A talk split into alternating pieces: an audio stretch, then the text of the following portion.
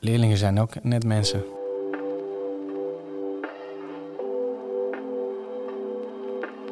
Welkom en fijn dat je luistert naar de Onderwijspodcast. In deze podcastserie van EduC gaat het over groepsvorming. En dan vooral over alle uitdagingen die bij het proces van groepsvorming komen kijken. Want groepsvorming is geen rechtlijnig proces. Het verloopt niet zoals het in het boekje beschreven staat. Alle mogelijke hobbels en hindernissen gaan we langs in deze podcastserie. Dat doe ik elke aflevering aan de hand van één case en met één of meerdere gasten. Mijn naam is Etienne Verhoef en dit is de Onderwijspodcast. Deze week de gast Jeroen Gautier van EduC. Ik uh, ben uh, Jeroen Gautier. Ik uh, werk nu 12,5 jaar zo'n beetje bij Ultra. ja, speciaal onderwijs gestaan. En ondertussen al een aantal jaren bij de BPO. En als trainer coach aan de slag. We beginnen met de casus van de week. Het is juni. De teamleiders maken bekend wie volgend jaar voor de klas de mentor wordt. Rond het prikbord staan de docenten te kijken welke klassen krijgen toebedeeld. Iedereen is het erover eens. Rick is de pineut, want hij krijgt wat nu 1D is en volgend jaar 2D wordt als mentorklas. En die klas, daar is geen pijl op te trekken. Rick staat erbij en kijkt ernaar en gaat met een malend gevoel terug naar huis. Wat kan hij doen na die zomervakantie om deze klas wel aan de praat te krijgen? Hoe kan hij de gouden weken het beste aanvliegen? Jeroen Gautier, die gouden weken, die hoor je vaak terugkomen, hè? maar hoe belangrijk zijn die nu? Ja, daar begint het wel echt mee als mentor. Ja? Ja, kijk, eh, leerlingen, en niet alleen leerlingen, maar mensen hebben gewoon behoefte aan relaties. Een van de basisbehoeften.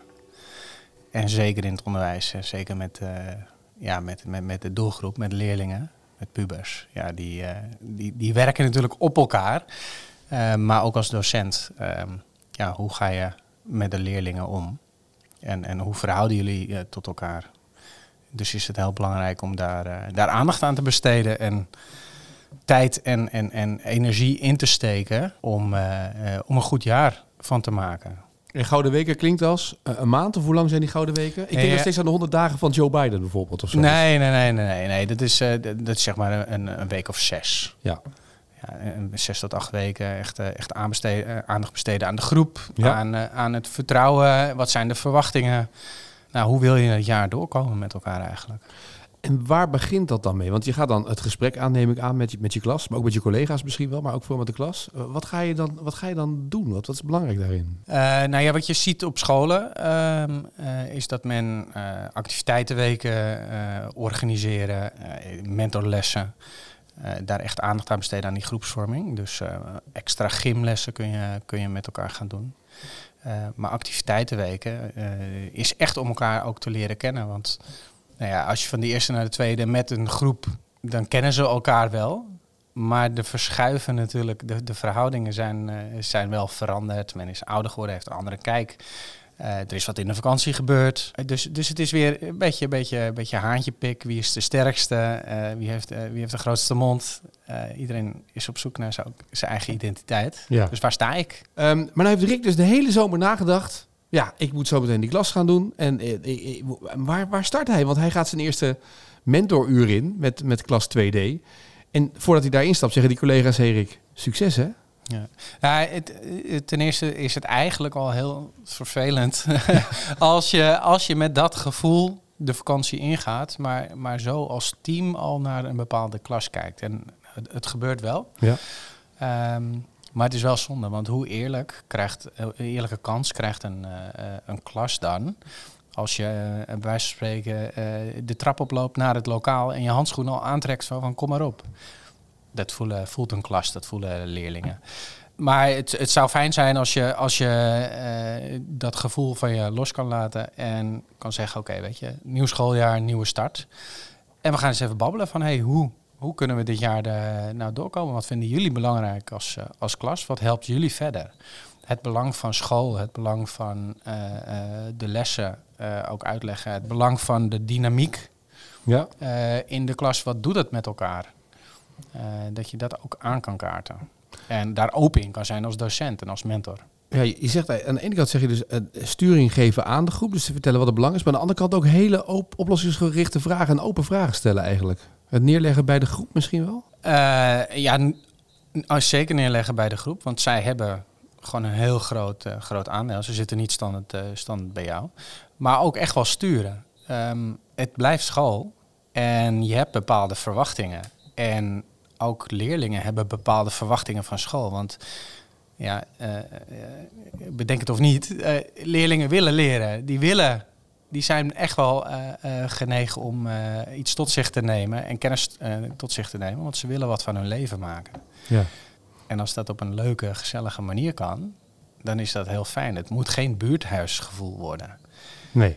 Dat is, dat is niet de bedoeling, want dan haken ze echt wel af. Maar je wil ook ergens wel achterhalen wat nou het probleem is in die klas, toch? Want dat lijkt me ook wel de uitdaging. Hoe kom je nou tot de oplossing van het probleem? Want waarom is 1D een klas waarvan iedereen denkt succes? Of nu 2D inmiddels?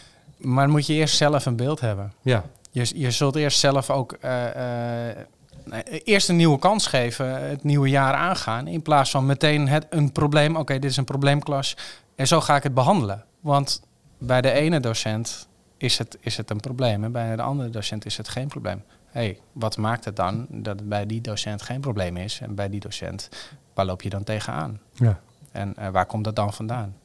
Um, nou ja, dat vragen ze ook wel eigenlijk vanuit het team, het lerarenkorps en ook het management, om daar met elkaar over te gaan zitten eigenlijk. En over, nou, wat zijn jouw ervaringen mee, dat je dat ook een beetje kan achterhalen?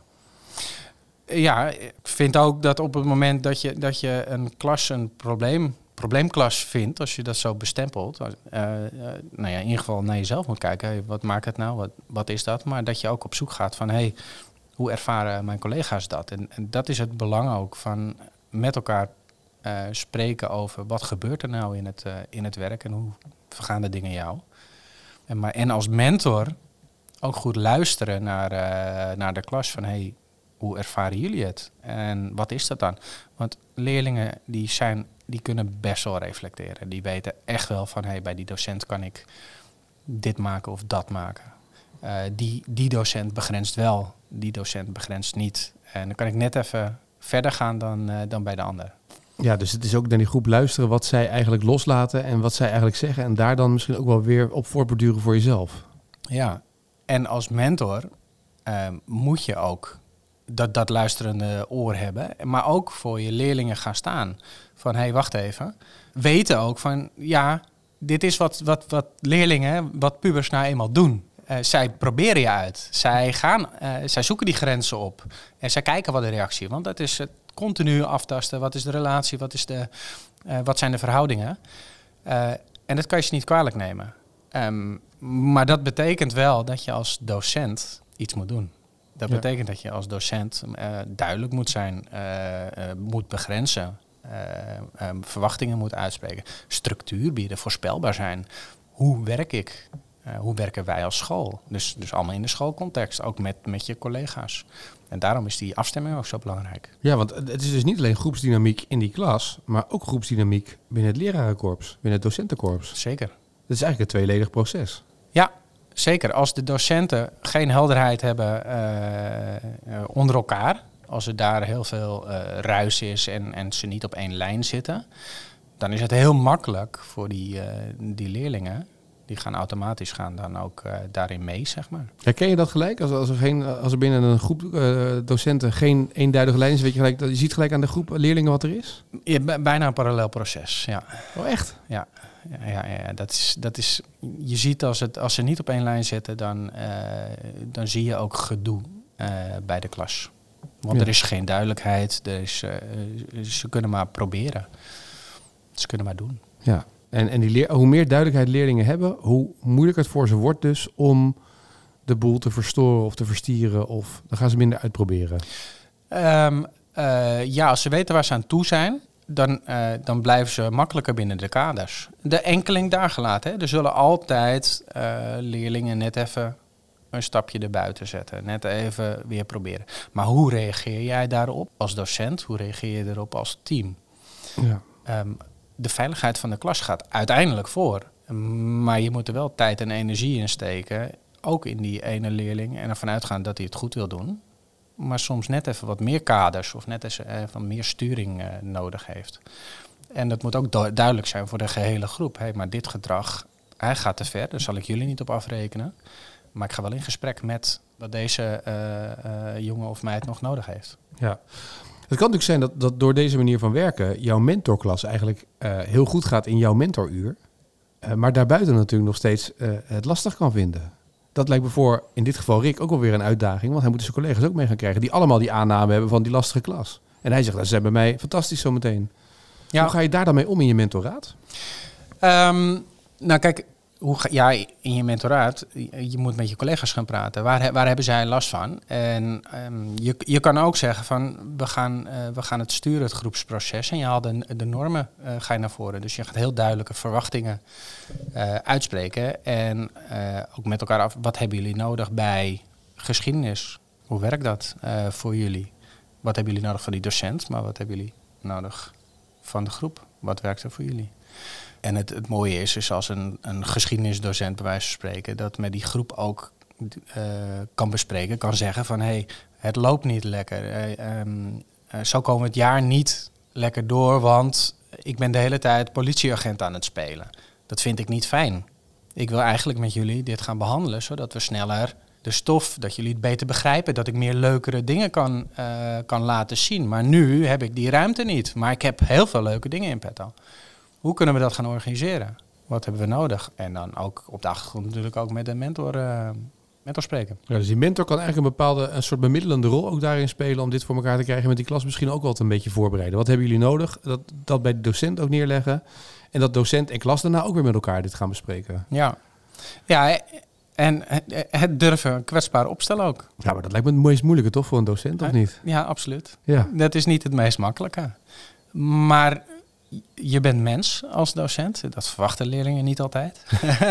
je denkt dat je een robot bent. Ja. Nou, so, eh, soms, uh, ja, weet je, je, je, je, bent, je bent docent en soms weet je het even niet. Of uh, denk je van, ja, hoe, hoe ga ik dit aanpakken? En dat mag je, wat mij betreft, mag je ook soms zeggen van, ja jongens, dit loopt niet. wat kunnen we hiermee doen? Maar is de angst om dat te doen omdat je dan bang bent dat, uh, dat je door je kwetsbaar op te stellen dat ze daar misbruik van maken? Terwijl de, de keerzijde kan zijn omdat jij uh, ook laat zien dat je mens bent, dat er meer onderling begrip komt? Is dat een beetje ja. wat het effect is uiteindelijk? Ja, ja, ja, ja. ja. ja um, kijk, je, je moet als docent moet je sterk zijn, wel in, in de zin dat je, dat je aan de, de schoolregels slash verwachtingen, hè, want je wil eigenlijk meer over verwachtingen spreken waardoor de, de, leerlingen daar meer genegen zijn om, om aan te voldoen. Maar je hebt gewoon bepaalde uh, uh, gedragsverwachtingen in school. En dit doen we wel, dit doen we niet. Daar moet je op begrenzen. Maar ook in de klas moet je bepaald gedrag moet je kunnen begrenzen. Maar soms, als je even niet weet hoe iets op te lossen, mag je ook gewoon mens zijn en zeggen van ik, ik weet het niet jongens. Hoe gaan we dit nou, hoe gaan we dit nou met elkaar wel tot een goede oplossing brengen? Want dit is wat we hebben te doen. Daar moeten we zijn. Uh, want dan komt er ook een toetsweek eraan. Uh, en, en, die kennis uh, die wil ik jullie graag bijbrengen. Maar dat wordt wel heel erg lastig op deze manier. En ik denk dat als je wel de, de kan begrenzen, maar ook soms kan zeggen van hé, hey, maar nou vind ik het lastig. Dat ze zien van hé, hey, oké, okay, maar het is een samenwerking. Ja. Nog een manier om die klas te helpen bij het begrenzen en het bewaken van de schoolregels of de regels van de klas is het gebruiken van PBS, Positive Behavior Support.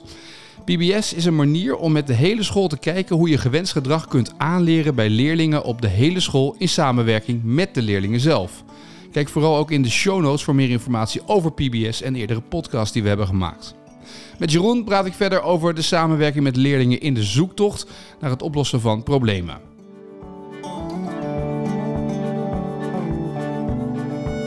Dat moet je dus ook continu proberen op te blijven zoeken. Door bij iedereen een dialoog aan gaan, samenwerking aangaan. Dat is een beetje een soort van basis eigenlijk. Leerlingen zijn ook net mensen. Ja. Ja, ja. En, en, en ook gewoon als mens behandelen. En niet van ik ben meer en ik ga het wel vertellen hoe het moet. Er is een, uh, een prachtig filmpje. Uh, dat gaat over Jefferson Memorial. En dat, heeft, uh, dat is een, bijna een tool, een hele simpele tool als je wil weten waar het probleem eigenlijk zit. die heet vijf keer waarom. Stel nou eens vijf keer waarom de vraag.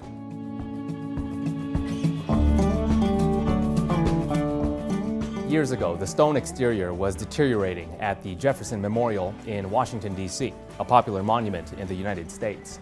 Repairing the stone or painting over the worn areas was too expensive, so park rangers turned to root cause analysis and started asking why. Why was the stone deteriorating? High powered sprayers were being used to wash the memorial every two weeks Why were high powered washings needed every two weeks? because of bird droppings. Asking why stopped because it seemed the cause was found. Workers put nets around the building, but they were unsightly, and the birds found ways around them. So it was back to the drawing board, or the five whys. Why are there so many birds? They come to feed on spiders. Why are there so many spiders? They feed on insects at night. Why are there so many insects? They're attracted by lights that shine on the memorial at night. With a new cause found, questions stopped, and a plan was created to reduce the amount of time the memorial spent in the spotlight at night, and it worked. The insects were reduced by 90%, and with the root cause removed, the excessive cleaning was no longer needed. An unexpected benefit was a cost savings realized by using less electricity. Eh, zijn we als mens vaak geneigd om te denken, we hebben de oplossing al gevonden, dus dan is dit eh, eh, hoe we het gaan aanpakken, terwijl we eigenlijk niet helemaal weten waar de oorzaak van het probleem zit. Herken je dat? Eh, ja. ja, dat denk ik, denk ik wel, ja. Het is dan bijna een soort van gemak van dit is dan de oplossing, dan kunnen we daarmee verder of zo. Niet even goed gedegen de tijd nemen van waar komt het nou echt vandaan, het, het gedrag. En te snel, te snel iets inzetten wat niet duurzaam is. Nou, weet je, als, als ik die ene leerling er maar uitzet, bij wijze van spreken, eh, dan is het opgelost. Terwijl dat helemaal niet, eh, niet altijd zo is. Eh, in de klas heb je natuurlijk een bepaalde groepsdynamiek. En sommige leerlingen roepen wat op.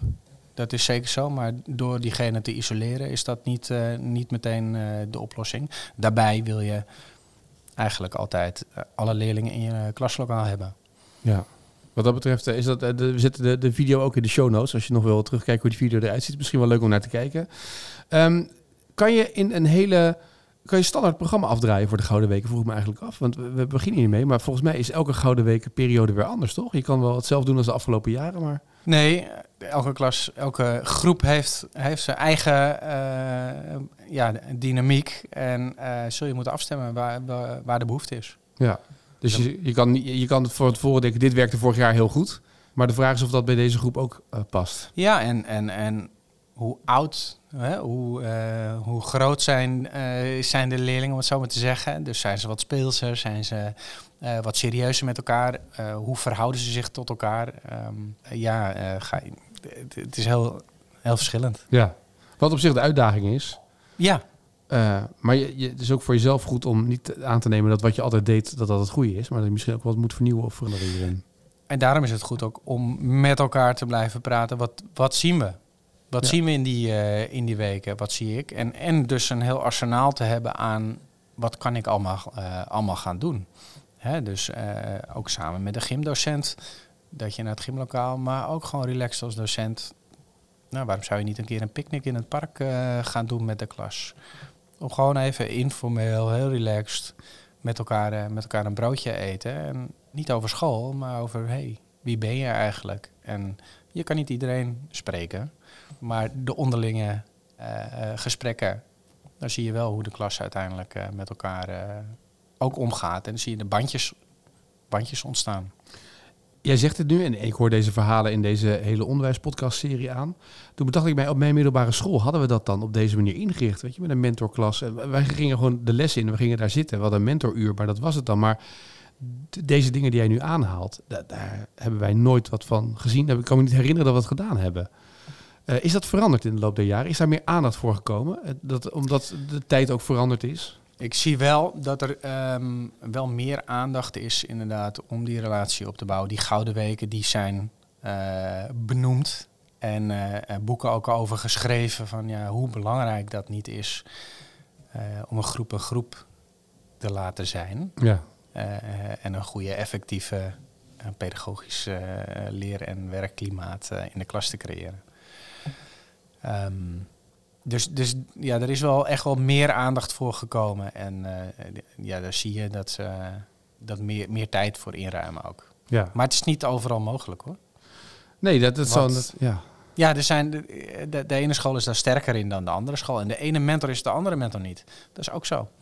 Ja, de ene mentor heeft daar meer, heeft meer gevoel voor soft skills dan de ander, bij wijze van spreken. Ja. ja. Ja. Maar als je maar met elkaar blijft praten En van oké, wat, wat kunnen, we, kunnen we doen? Ehm, ja, waarom zou je dat niet met een collega dan bijvoorbeeld doen? Dat je met elkaar samen eh, Ja. het proces in kan gaan eigenlijk. Ja, dat je zegt oké, maar eh, jij bent hier eh, veel beter in. Wat, zou, wat zouden we kunnen doen? Dat is ook oké. Je, je, kan niet alles alleen. Een school draag je met z'n allen. En, eh, eh, en klassen dragen met je, eh, draag je met z'n allen. Als, eh, als docenten die lesgeven aan die klas. Ik vind het hele mooie slotwoorden voor deze podcast. Eh, eh, dat eh, het besef er is dat je het niet alleen hoeft te doen, maar dat je het ook met elkaar eh, moet doen. Misschien wel en, en met de klas, maar ook met de collega's. Het belangrijkste. Heel goed. Jeroen, bedankt Yes. voor jouw bijdrage aan deze podcast. Wil je nu meer weten naar aanleiding van deze aflevering? Kijk dan via de link in de show notes wat EduC voor jou als school of als docent kan doen. Abonneer je ook op deze onderwijspodcast via jouw favoriete podcastplatform. Dan word je automatisch op de hoogte gebracht van elke nieuwe aflevering. Tot de nieuwe onderwijspodcast.